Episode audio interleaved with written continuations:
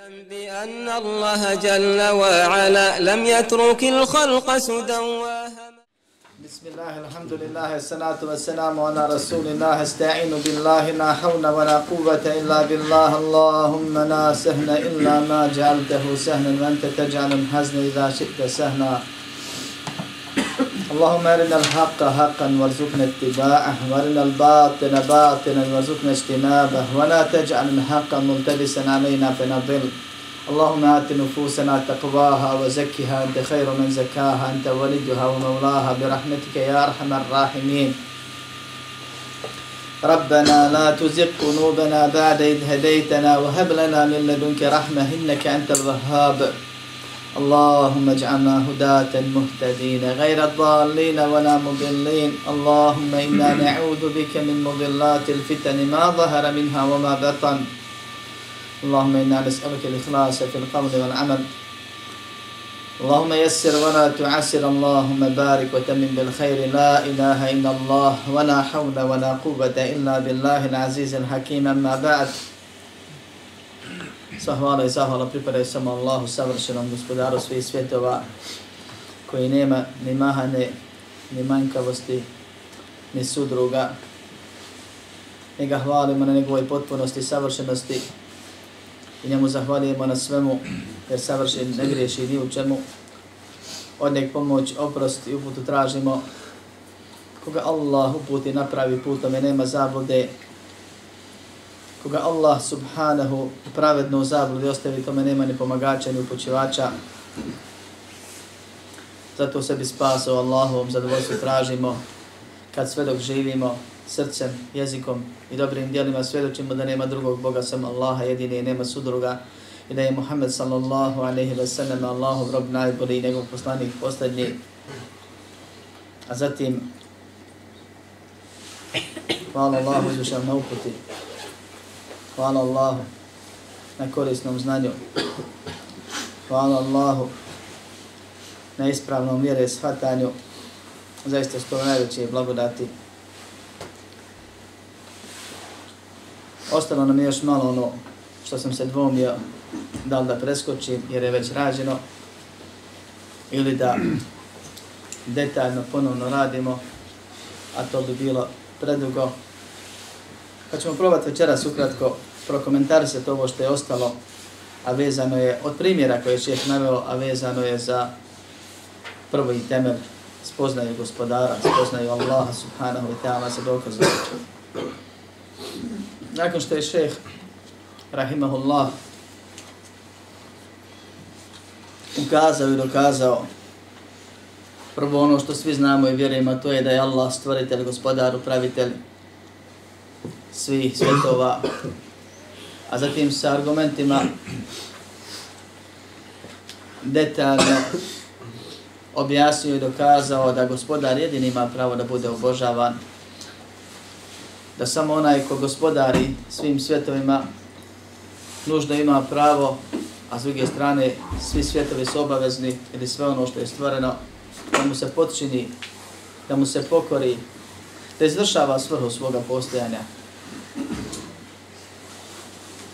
Pa smo naučili da je Allah subhanahu wa ta'ala upravo zato što je gospodar savršen i upravo zato što je savršen i gospodar jedini istinski Bog, to jest onaj koji smije i mora da bude obožavan ako hoćemo da budemo spašeni u vječnom životu na onom svijetu, na ahiretu i sretni na dunjalu i uspješni, a obožavanje je činjenje ibadeta. A ibadet je sve ono što Allah subhanahu wa ta'ala traži od robova, da se njemu približimo. Ibadet je pokornost iz ljubavi, straha, nade, poniznosti i veličanja. Ibadet je sve što Allah voli i što je zadovoljan od riječi i dijela javnih i tajnih. Ibadet je sve što Allah voli da se time on ponizno moli. Bilo se radi o riječima, dijelima, ubjeđenjima. Pa je šeheh na kraju dokazao, spomenuo pa dokazao da se ibadet samo Allahu čini. Tako čini neki vid ibadeta sem Allahu nekome drugome, bilo kome, taj je mušrik kafir. Onda je šeheh Rahimahullah spomenuo primjere najpoznatijih, najučitijih ibadeta koji se vraćaju na ovo pravilo. Dakle, nije šeheh naborao svoje ibadete, kao što je prošli put, nego je spomenuo šta je sve od ibadeta koje Allah subhanahu wa ta'ala naređuje i traže svojih robova da, im, da, da mu se čine, a samim tim šta se sve ne smije činiti nikom sem Allahu subhanahu wa ta'ala. I šta ako bi neko učinio nekom pored Allaha, pored Allaha ili sem Allaha, sem Allahu subhanahu wa ta'ala, ako bi učinio, izašao bi izvjeri. Pa je naveo primjere ibadeta. Te ibadete, ili ove stvari večeras koje imamo, bile su lekcije u knjizi Tevhida koju smo komentarisali. I zajedno učili.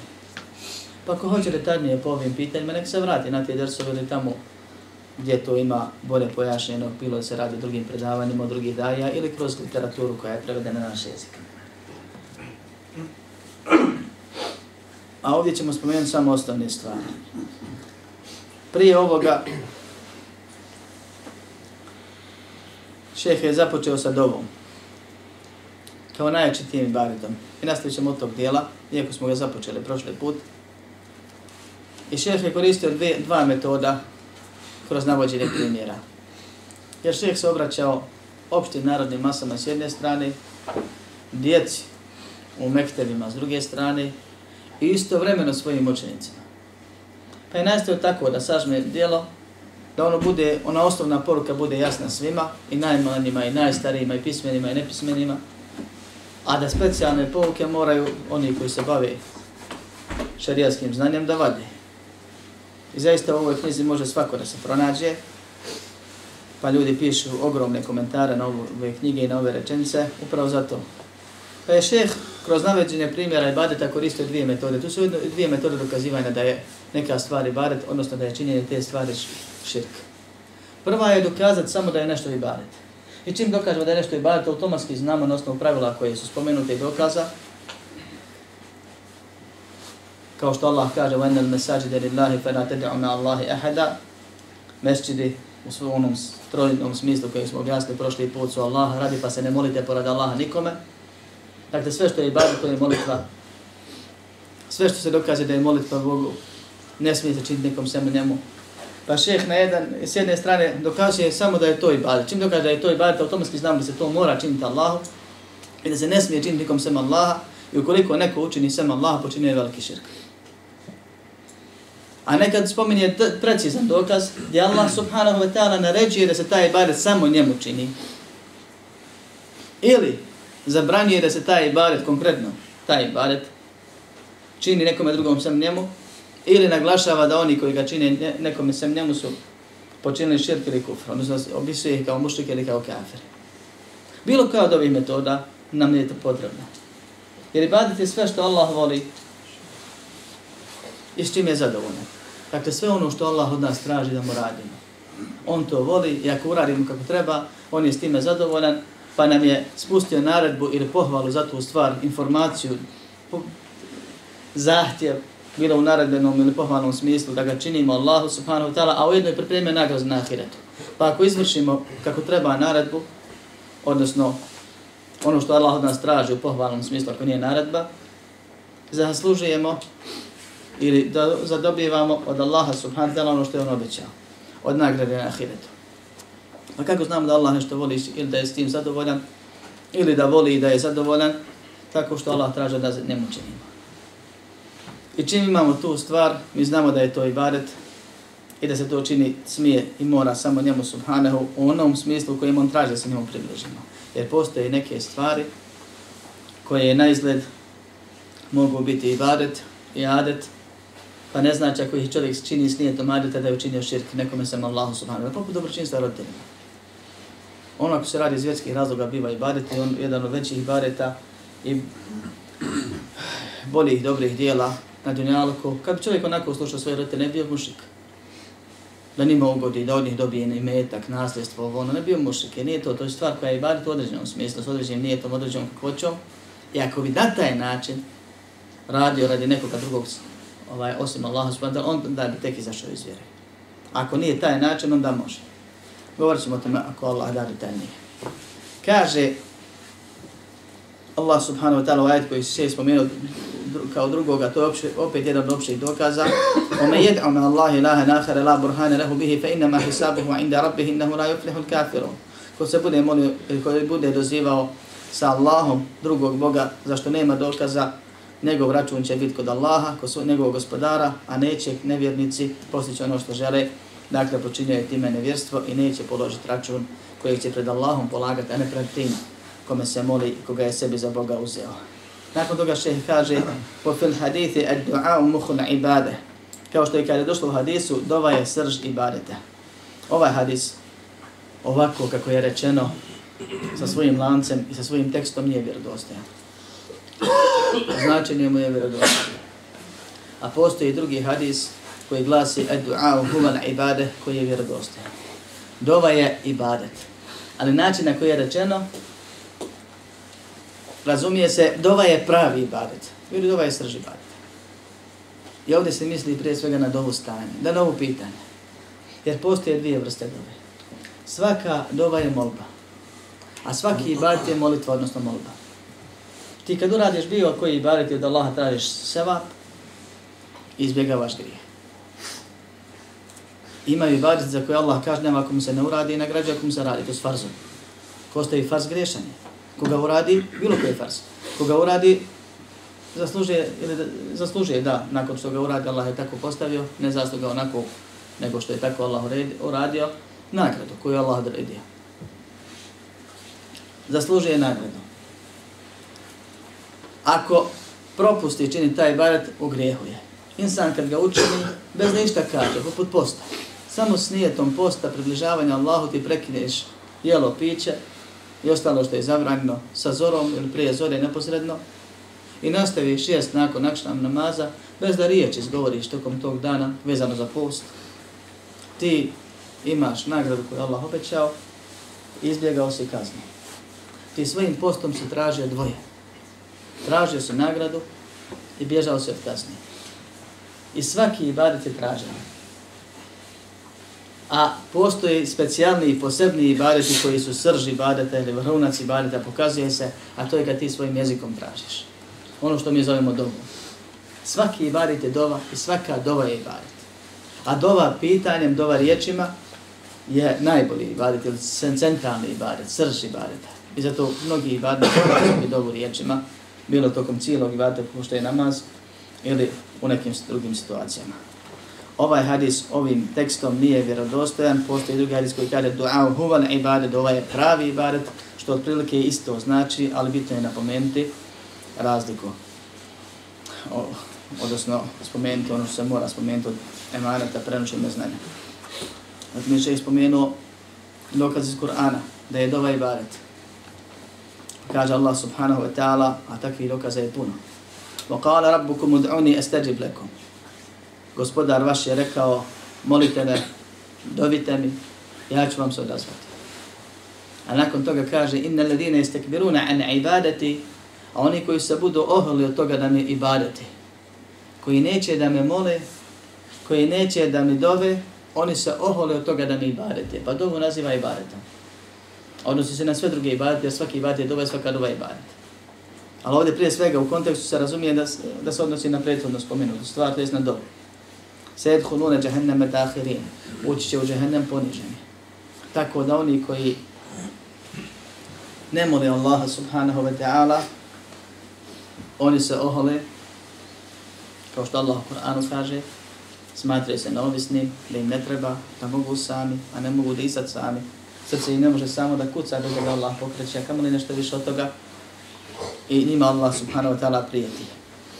I onda dođu ljudi izmisle parolu svog mezheba, onda su sekte, ilmuhu bihali yugnjan suali. Pišu po svojim kućama, posebno izgrađenim pored Allahovih kuća. Kaže, njegovo znanje ili njegovo poznavanje mog stanja je sasvim dovoljno od mog pitanja, doslovno prevedem. To jest, ne treba ja njega da pitam i molim kad on svakako zna šta men treba, šta ne treba i smatra da je to vrhunac tevekula i vrhunac vjere kad ti nećeš Boga da moliš, nego čekaš da on sam reaguje jer on svakako zna što tebi treba i što ne treba. Allah subhanahu wa ta'ala prijeti onima koji neće da ga mole i kaže da se oni tim ohole.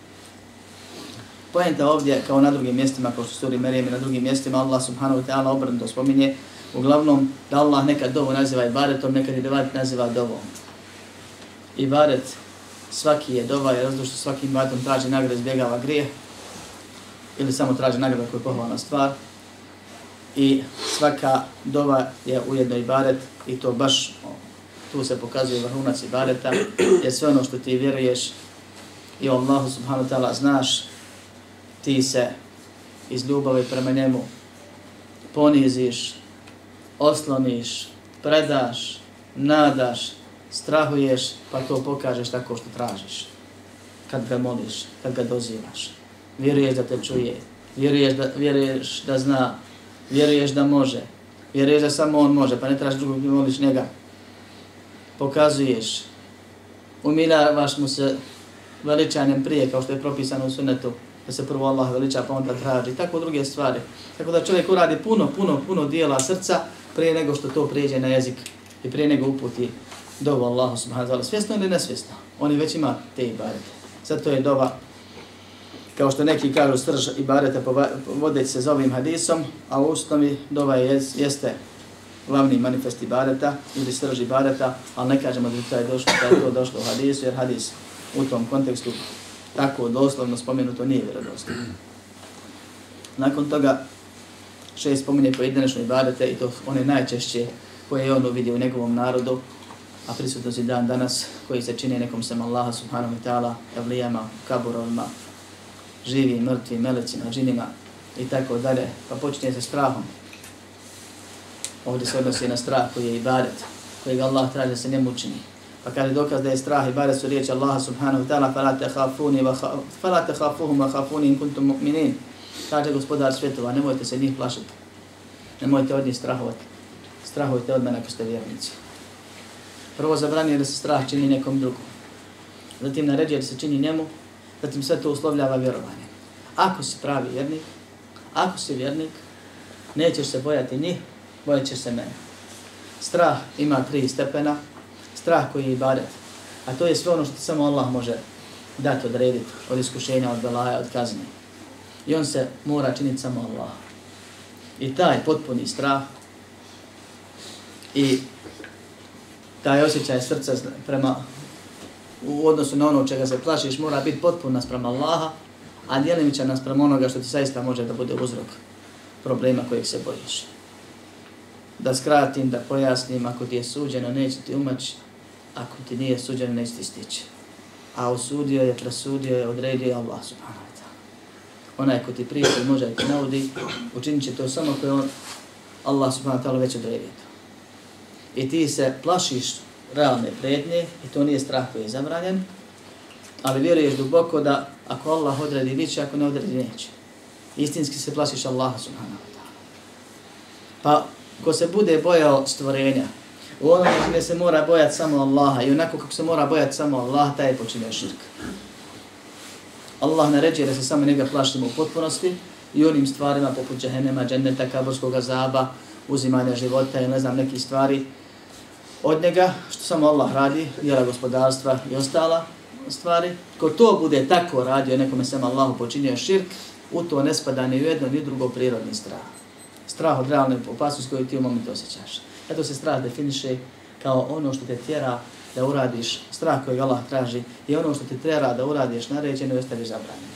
Allah onda se traži da budemo nekakoj traumi, stalnoj tremi, ne znam nija kakvom stanju. Allah od nas traži da se zaustavimo kod njegovih granica i straha od njega. I to je prvi minimalni strah koji Allah traži.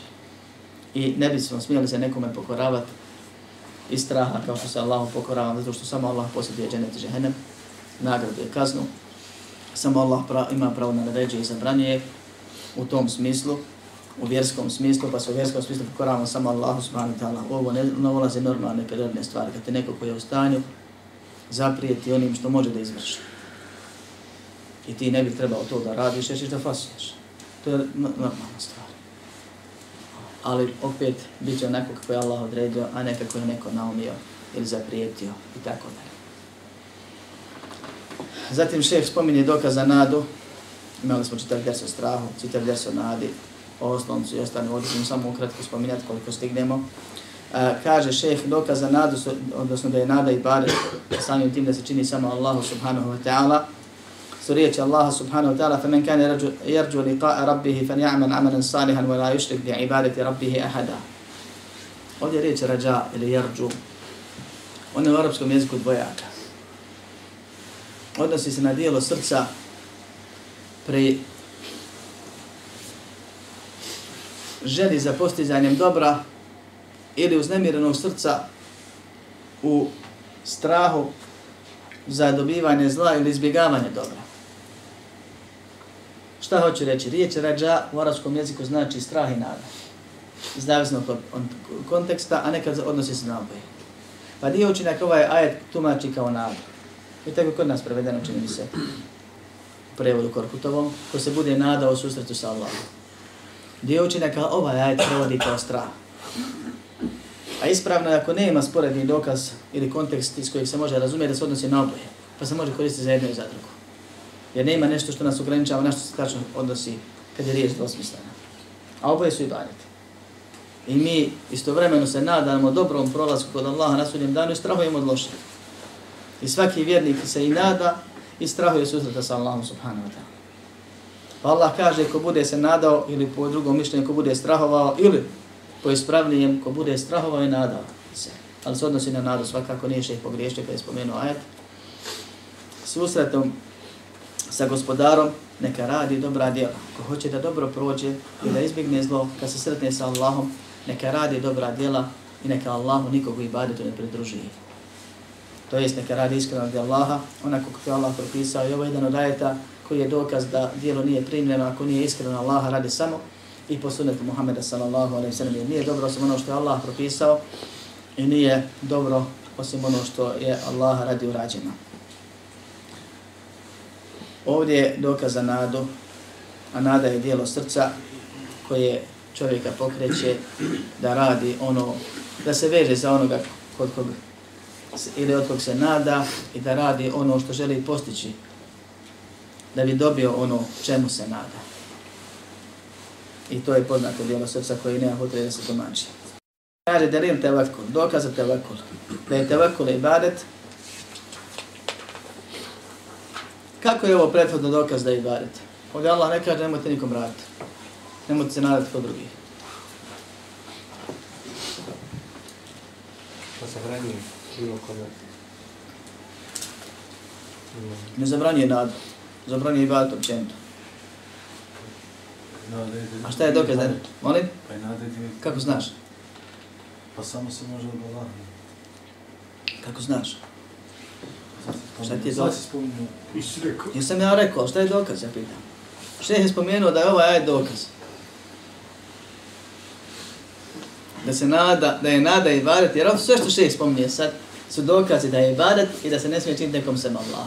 Ili jedno od tog dvoga, to sam spomenuo ovdje.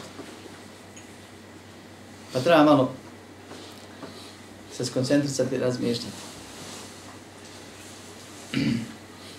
Kaže, ko se bude nadao susretu sa Allahom, neka radi to i to. Allah od nas traži nadu i pokazuje šta treba da uradimo ako nam je nada kako treba. Nije ovdje Allah usudio nadu, nego nam pomaže kako da se ispravno nadamo i postignemo ono čemu se nadamo. Da radimo dobra djela. Da radimo dobra djela, svejedno, ali ovdje potvrđuje nadu. Imaju ajete drugi koji su precizniji od ovoga, ali dovoljno mi je ovaj. A zatim zabranjuje bilo koji ibadet, uključujući ovo što je Allah uzvišeni pohvalio, odnosno odobrio i traži od nas da, da radimo. Da se nadamo susretu dobrom s njim. Dokaz da je tevekul ibadet su riječi Allaha subhanahu wa ta'ala wa ala Allahi fa tevekkeru in kuntum mu'minin. Ovo je već preciznije. Kaže, samo se na Allaha oslanjajte. Nije rekao tevekkelu ala Allah, oslonite se na Allaha, znači može i na nekog drugog. Nego kaže ala Allahi tevekkelu, arabskom mislu se to razumije samo se na Allaha oslonite, i još onda uslovljava, to je dupli dokaz. In kuntum mu'minin, ako ste vjernici. To jest, ako se ne budete oslanjali samo na Allaha subhanahu wa ta'ala, niste vjernici. I čovjek, znači, može da se, da računa na nekoga. Ali ne može da se osloni ni nekoga osim na Allaha subhanahu wa ta'ala. Jer onaj koji je pouzdan i sposoban i ima vremena i prijavio se sam i hoće i dogovorio se s njim i predao si mu neki emanet, ispunit će ga samo ako Allah bude dozvolio.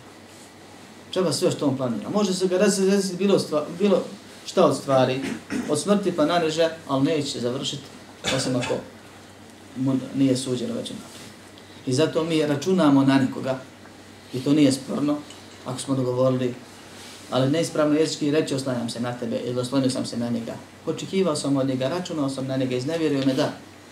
Ali samo se na Allaha musliman može osloniti i šarijatski, čak i jezički nije u redu govoriti.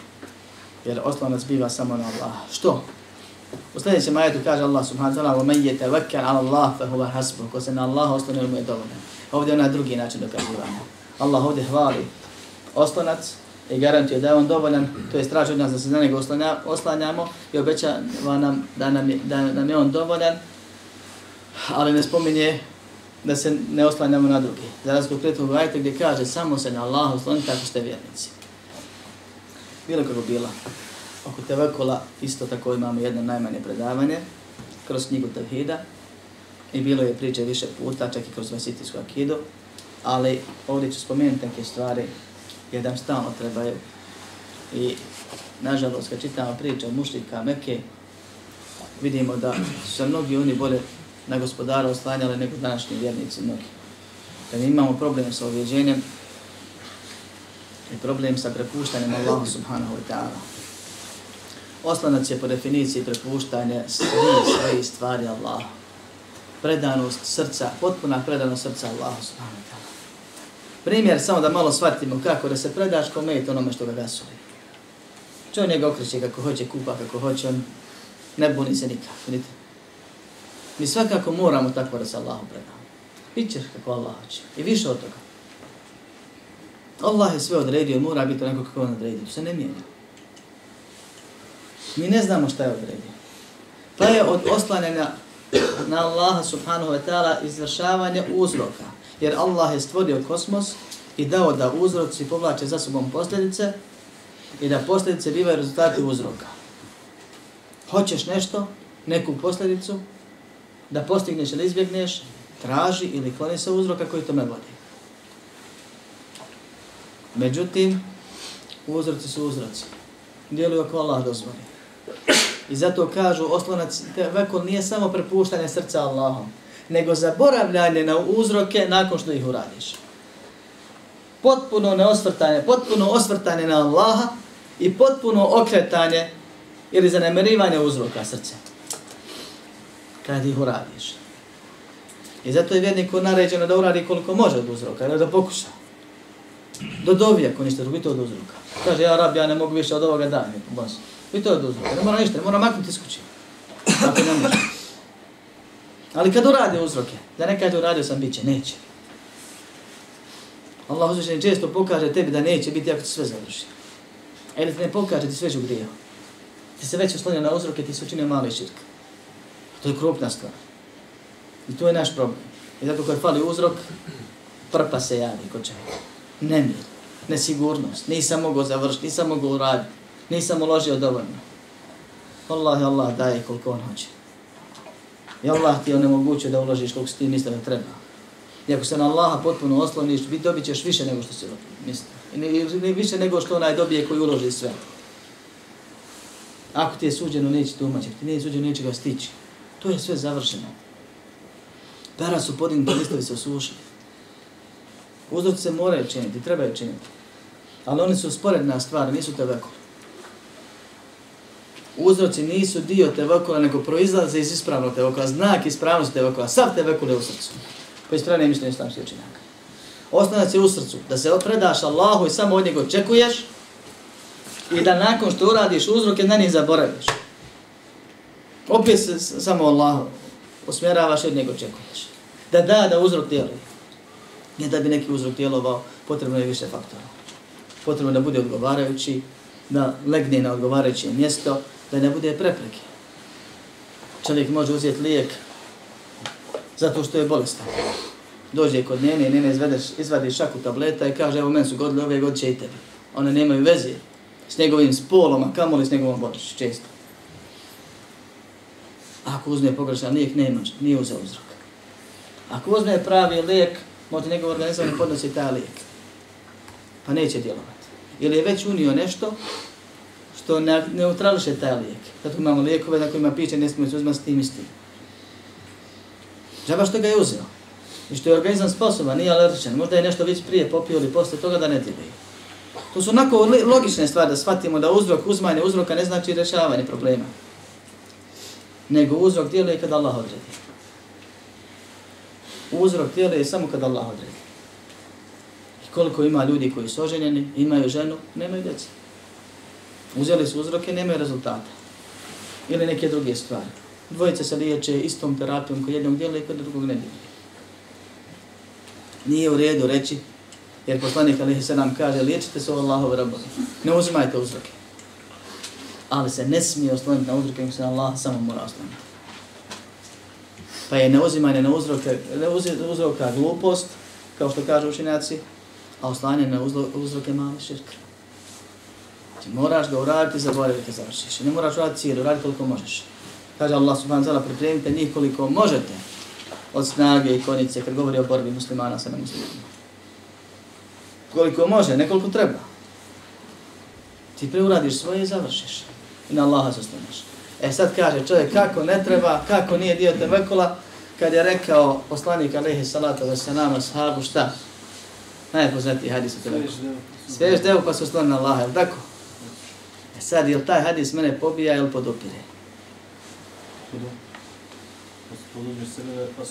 Allaha. Je li uzrok ujedno i oslonac ili nije? Sve za devu dio uzrok, pa se onda osloni. Poslanik ali se nam u hadisu razvoja između uzroka i oslonca. Prvo ga uradi pa se osloni. Znači nije oslonac činjenje uzroka, nego je činjenje uzroka dokaz ispravnog oslonca. I obaveza šarijatska. Ali nije to oslonac. Oslonac se ono u srce. Zavežeš i odeš raditi svoj posao i nadaš se da će Allah sačuvati, da se neće odvezati, da je neće neko drugi odvezati ili da neće nešto drugo se, treće se dogoditi. To što sam ja zavezao ne znači da će je naći. Ali ako je pustim, svakako je neću naći. Ako je ne zavežem. Tako da, to je dokaz da oslonac, da činjenje uzroka nije dio oslonca, kao što neki kažu, definicija oslonca je činjenje uzroka i tako dalje. Ne, nego je to znak ispravnog oslanca, a sav oslanac u srcu. Sa srcem predaš na Allah. Allah, osloniš na Allah. Baš se osloniš. I zove se oslonac na svim jezicima, jer čovjek kad se nasloni na nešto, ako se to izmakne, on pada. E tako se mi na Allaha trebamo prepustimo, predamo potpunosti. Jer znamo da ako Allaha ne bude mi padamo, nema, ništa neće postići. Mi ćemo mi živjeti, niće to što hoćemo da uradimo uspjeti. Pa se čovjek srcem predaje Allahu subhanahu wa ta'ala u potpunosti i Allah uzvišeni traži od nas da se samo na njega oslanjamo ako su u, u, u vjernici i kaže i obećava nam, a njegova obećanja su istinita i on nikome dužan nije ostao, da onaj ko se potpuno kako treba ispravno njega oslani, on mu je sasvim dovoljno. I ne trebamo niko više. Dokaz za rahbu, rahbu i hušuaj. U našem jeziku ponovno želja, strah i skrušenost možemo prevesti. Da, mi smo pričali o želji i strahu, jesmo, ali ovo su potpuno drugi ibadeti. Allah subhanahu wa ta'ala, kao što je u arapskom jeziku, tako i u šarijatu, je dao da strah ima više faza i za svaka faza ima svoje ime. Gdje se svaka ta stvar mora činiti samo Allahu subhanahu wa ta'ala. I nije isti hušu, i nije isti hašija, i nije isti hauf, i nije ista rahba. Pa imali smo gore hauf. Po definiciji to je najminimalni strah koji je obavezan. Da te, koji te zadrži kod Allahovih granica. Koji bude uzrok da ti ostaviš zabranjeno i da te natjera da uradiš naređeno. Kako bi izbjegao kaznu i postigao nagradu? Od Allaha subhanahu wa ta'ala. Rahbe je strah, to je malo doza jačeg straha, koji te tjera na dijelo. Kad se pojavi u srcu to, onda ti skočiš pa radiš, pokreneš se, možda si lijen, možda te šetan već savladao.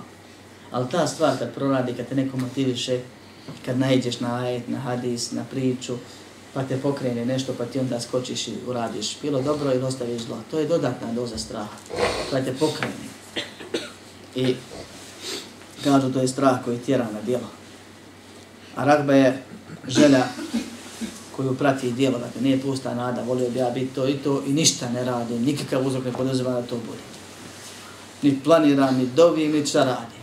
To je supuštanje, to su maštanje. Nego ragbe je znači želja koju prati na rad, dijelo, priprema, pokretanje.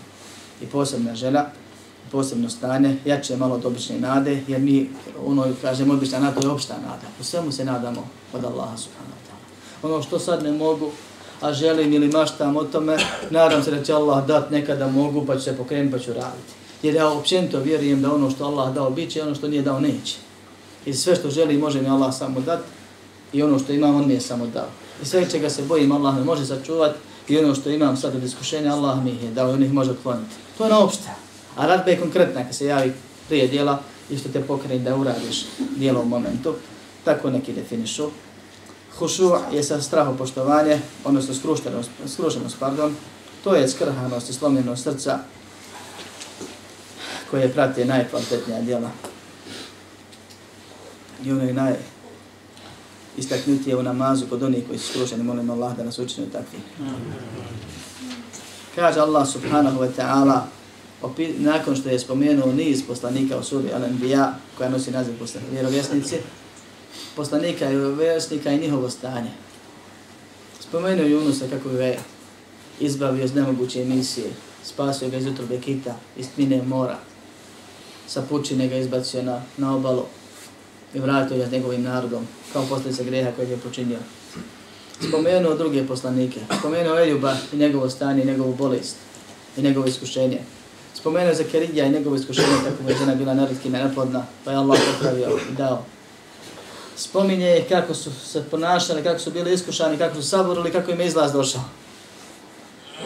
I nakon niza poslanika, odnosno vjerovjesnika, Allah subhanahu wa ta'ala u ajetima koji govore o Zakarija, alaihi salam, i njegovoj supruzi Jahi, alaihi salam, alaihi salam, kaže innahum kanu yusari'una fil khairati wa yad'unana ragaban wa rahaba wa kanu lana khashi'in.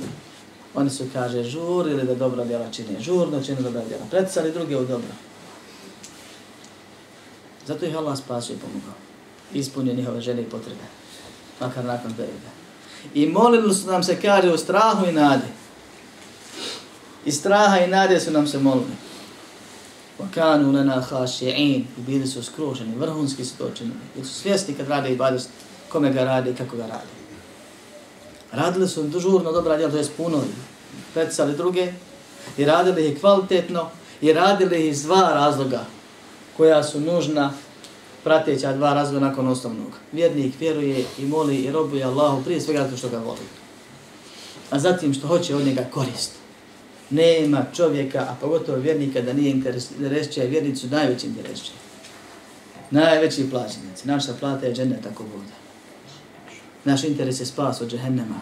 Vječnije ospije. Nema ništa korisnije i veće i vrednije od toga.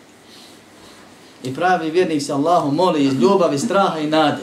Ne samo iz straha ko Haridžije, ne samo iz nade ko Murđije, ne samo iz ljubavi ko Sufije ili otparnici munafici, kako što ih upisuju prethodni učenjaci iz doba Selefa.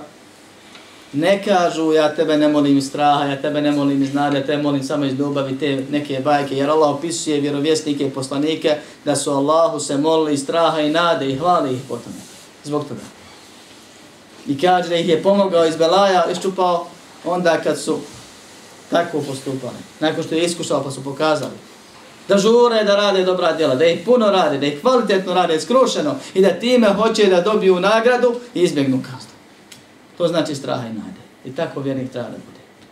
I ovo je dokaz da Allah hvali i voli da se i straha i nade skrušeno moli, tako da su i strah i nade skrušenosti variti. Ako ih neko bude činio sem Allahu, sam je sebi toga za Boga uzeo i kod Allaha račun neće položiti kao što je Allah rekao u ajetu koji smo na početku spomenuli.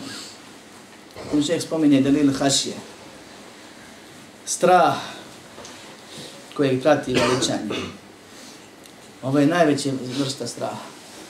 Strah kojim Allah opisuje učenjaka među svojim robovima. Kaže, innama jahša Allah min ibadihi ulama. Strah koji rezultira najkvalitetnija djela, makar ih bilo malo. Koja su na vagi teža od onih puno koji nisu na tom nivou strah zbog kojeg Allah uzvišeni najviše voli. To je hašija, najveći stepen straha. Kažu strah koji je produkt znanja o onome koga se bojiš. Nije isto klanjati kad poznaješ Allaha više i kad ga poznaješ manje. nije ista stepenu, stepeni skrušenosti, ni straha, ni nade. Nije niti ista ljubav. Onaj ko Allaha subhanahu ta'ala bolje poznaje i svjestan je toga, taj ga više voli, taj ga se na nek bolje upotpuni i oslanja, taj ga najviše veliča, taj je najviše ubijećan, taj se najviše strahuje od njega i nada onome što je kod njega. I sve ostala dijela srca su najjača i maksimalna kao posljedica ovoga. Zato da imamo riječ u našem jeziku bila bi straho veličanje, a ne straho poštivanje ko što neki prevode, jer ovdje se radi znači o, o istovremeno, znači stanju srca koje proizvodi najbolja dijela zato što upravo znaš kome i radi koga ih radiš i šta gubiš ako kako treba ne uradiš. Zato Allah uzvišeni kaže فَلَا تَخْشَوْهُ مَخْشَوْنِ nemojte se njih bojati, bojite se mene, ali ovim, ovim strahom, hašjetom, a ne prijevom, felate hafuhum a hafuni, kao što je došlo ajeto, prethodno. Zatim šeheh spominje dokaz za inabu. A inaba je povratak Allahu subhanahu wa ta'ala. Bilo povratak iz kufra u iman, iz džahilijeta, u pobožnost ili iz, iz grijeha u pokajanje ili općenito ono što se od nas traži vezano za Allaha u svakom stanju. Kažu učenjaci nadved ili povratak Allah upisuje najbolje svoje robe pot Ibrahima i drugi su bili robovi koji su munibi, koji se vraćaju Allahu često, koji su, to znači vezano za Allah. I taj ibadet ne dolazi sam po sebi, nego on dolazi sa ljubavi, sa strahom, sa nadom. To znači okretanje Allahu i istovremeno okretanje od bilo koga drugog sem Allaha subhanahu wa ta'ala.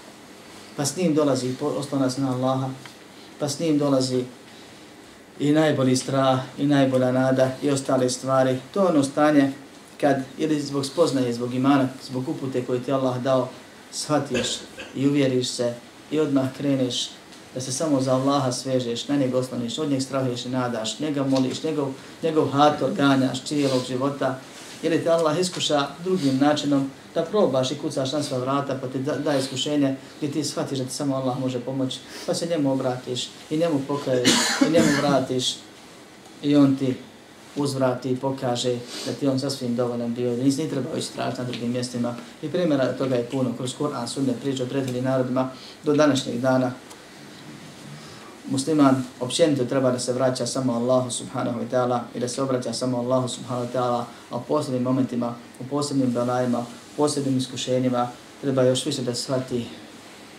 da je izlaz samo kod Allaha. I da ako ti Allah ne pomoći, niko ti pomoći ne može. I da se čovjek mora njemu popraviti, pokajati, povratiti, popraviti ono što je pokvario između sebe i svog gospodara, da mu se Allah odazvao pa će vidjeti i ubrzo doživjeti rezultate ko, možda, nije možda nego u većini slučaja puno više nego što očekivao što se nadao.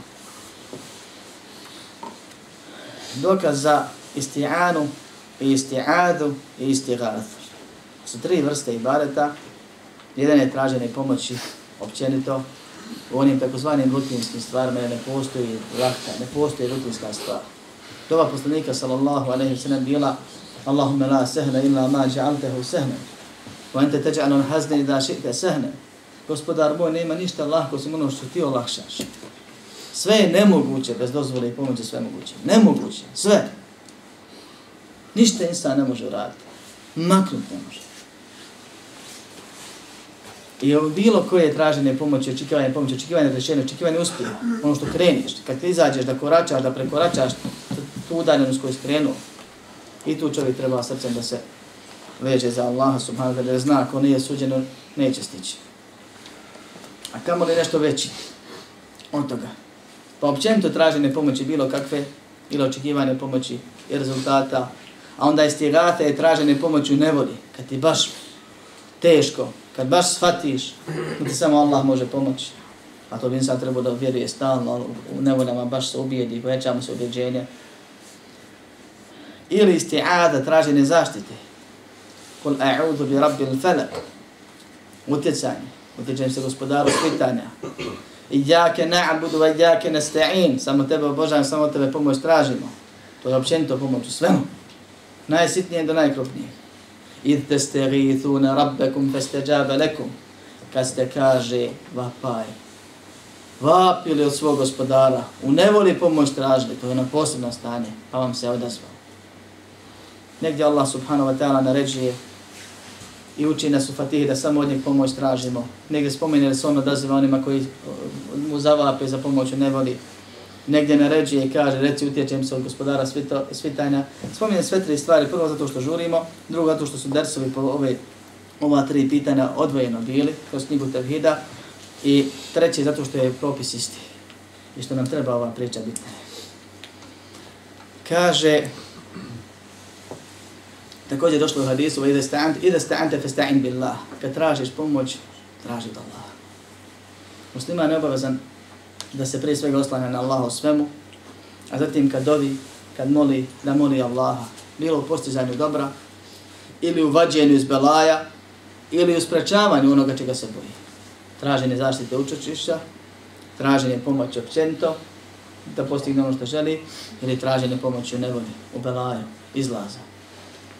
O svim tim stanima obaveza je to općenito činiti i raditi Allahu subhanahu wa ta'ala.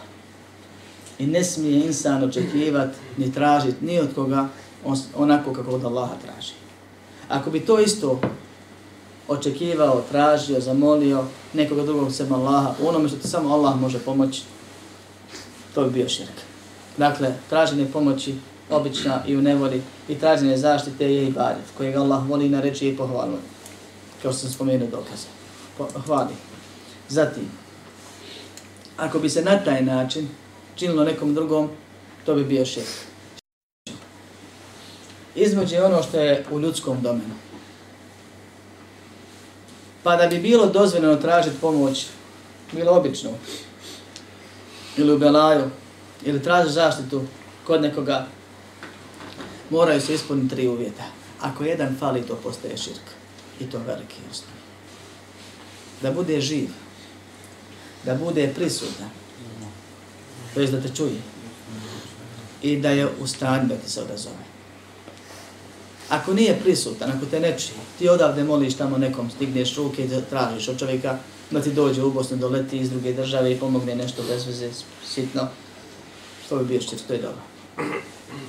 To znači da on zna i čuje i vidi tvoje stanje, da može se u momentu pojaviti tako, da je neke stvari koje samo Allah može.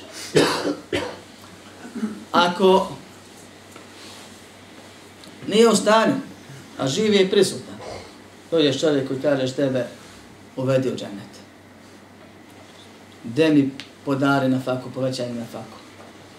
Molim te, imam problem sa, sa, sa potomstvom, povećaj, daj berekete, ne znam ja nešto. To je ono što Allah određi. Živ, prisutan, čujete, vidite, gledate, ali tražiš od njega ono što ti Bog samo može dati. To je širk. Dobro, to nam je jasno. Ali nam Hama nije jasno ovo prvo živ. Ako nije živ, ako je mrtav, bilo tu ispod tebe dva metra bez geometra ili negdje daleko na kraj svijeta, bilo gdje se radi. I ti ga moliš. Bilo šta. To je širk. Izuzetak su neke situacije kod nekih učenjaka, većina kažu to je širk mušrika, bilo kome da se radi. Nije učenjaka.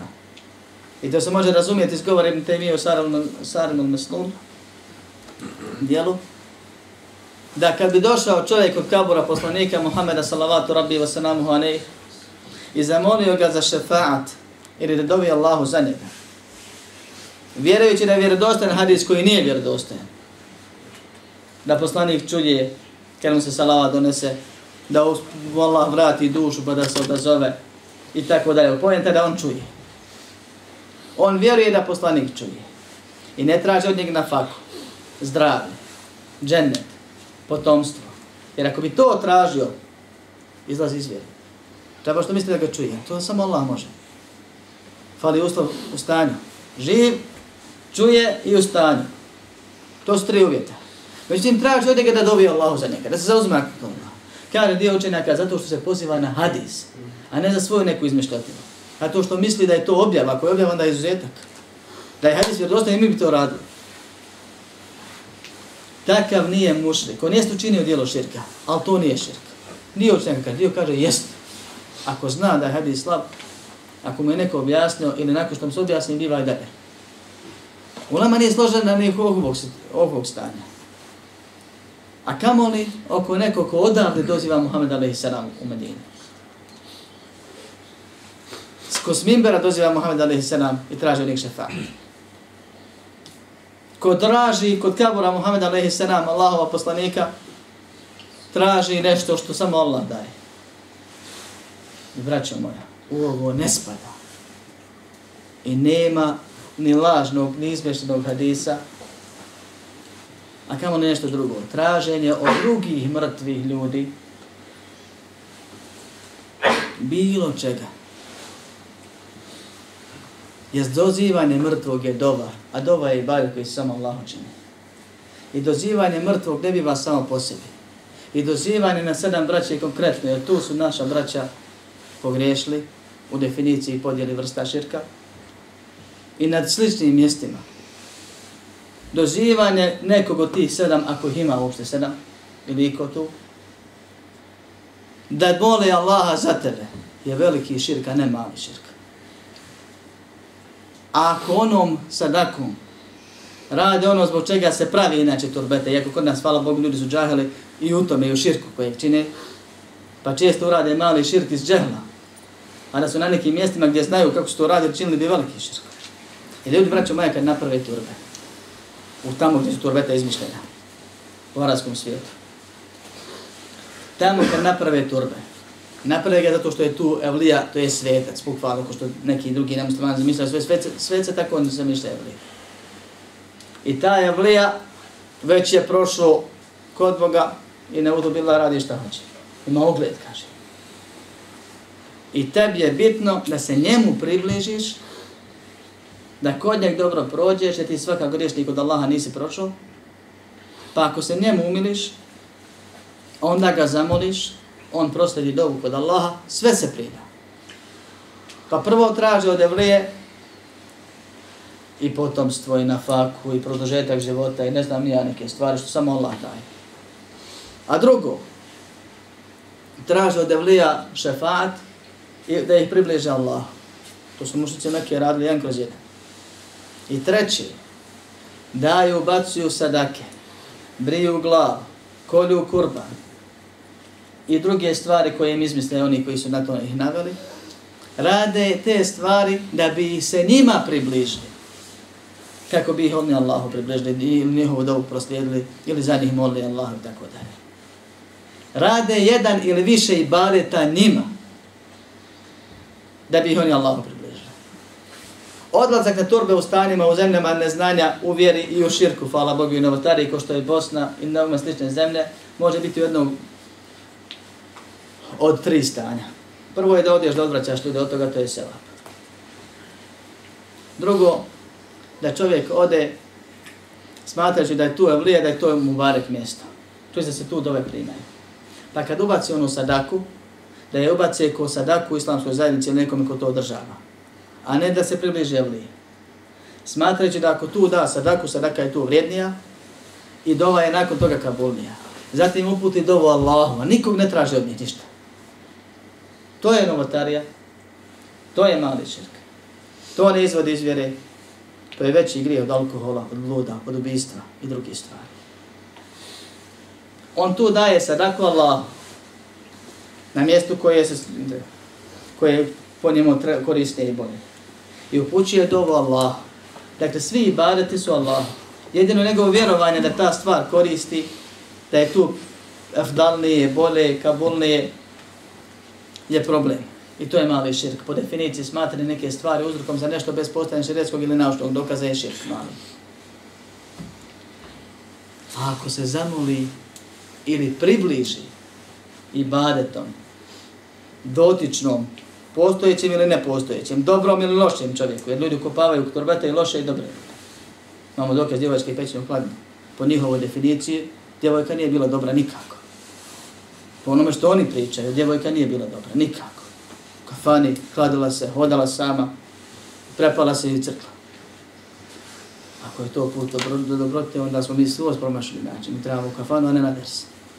Ali ako to kozmemo, znači imaju loši ljudi koji se U arabskom svijetu ima još godi slučajeva. Međutim, ako se približi ibadetom tu osobu, ili je moli, makar da, njega, da on Allaha zamoli za njega, on time doziva neko ko nije živ. Doziva neko koga ne čuje. I traži od njeg nešto što nije u stanju.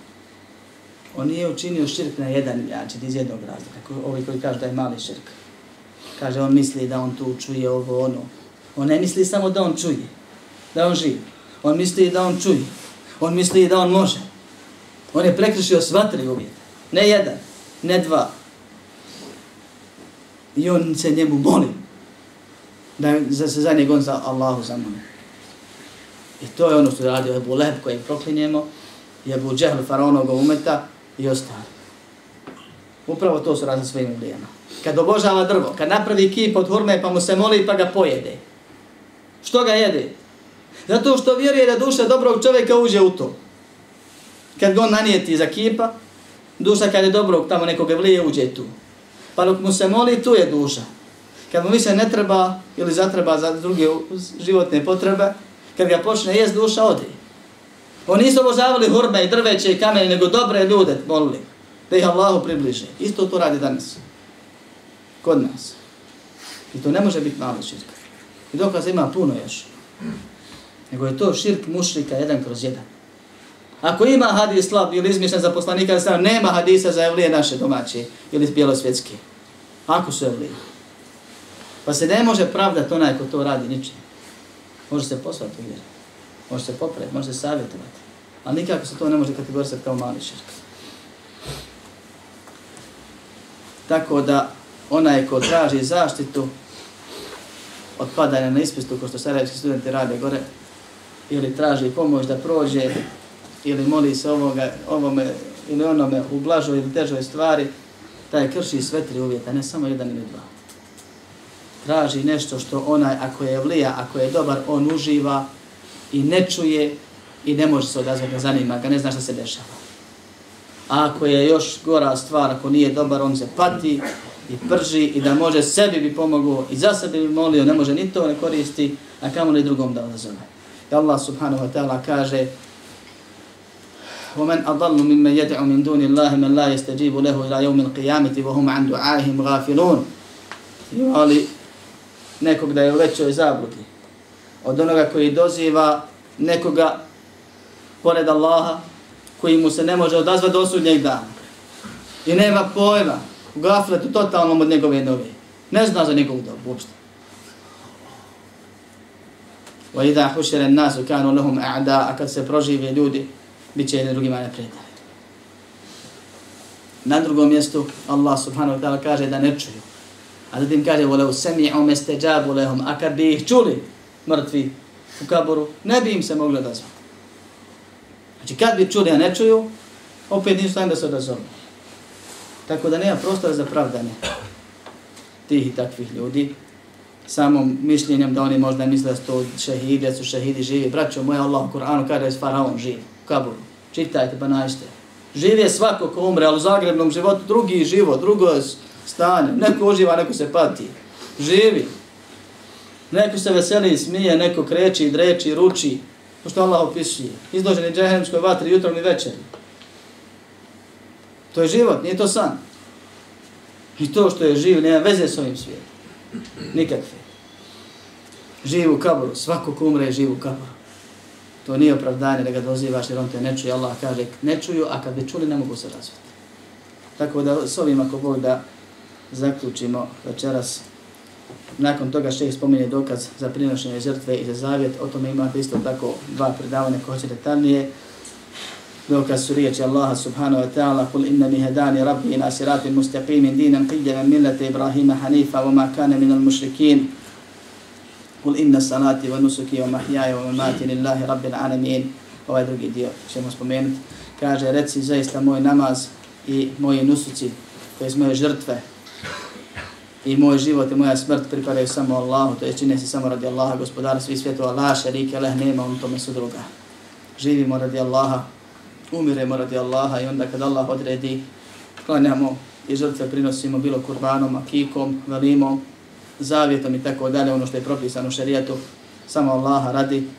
I zašto ovo spominje šeh ovdje? Zato što ljudi kad hoće vlid da se približe, da za njih dovi, prvo mu kurban zakolju, pa ako nema ovce, onda mogu i pilići proći, veći ili manji.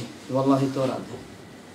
Imaju mjesta poznata u svijetu gdje ljudi donose što donose, što ima, ko će donese.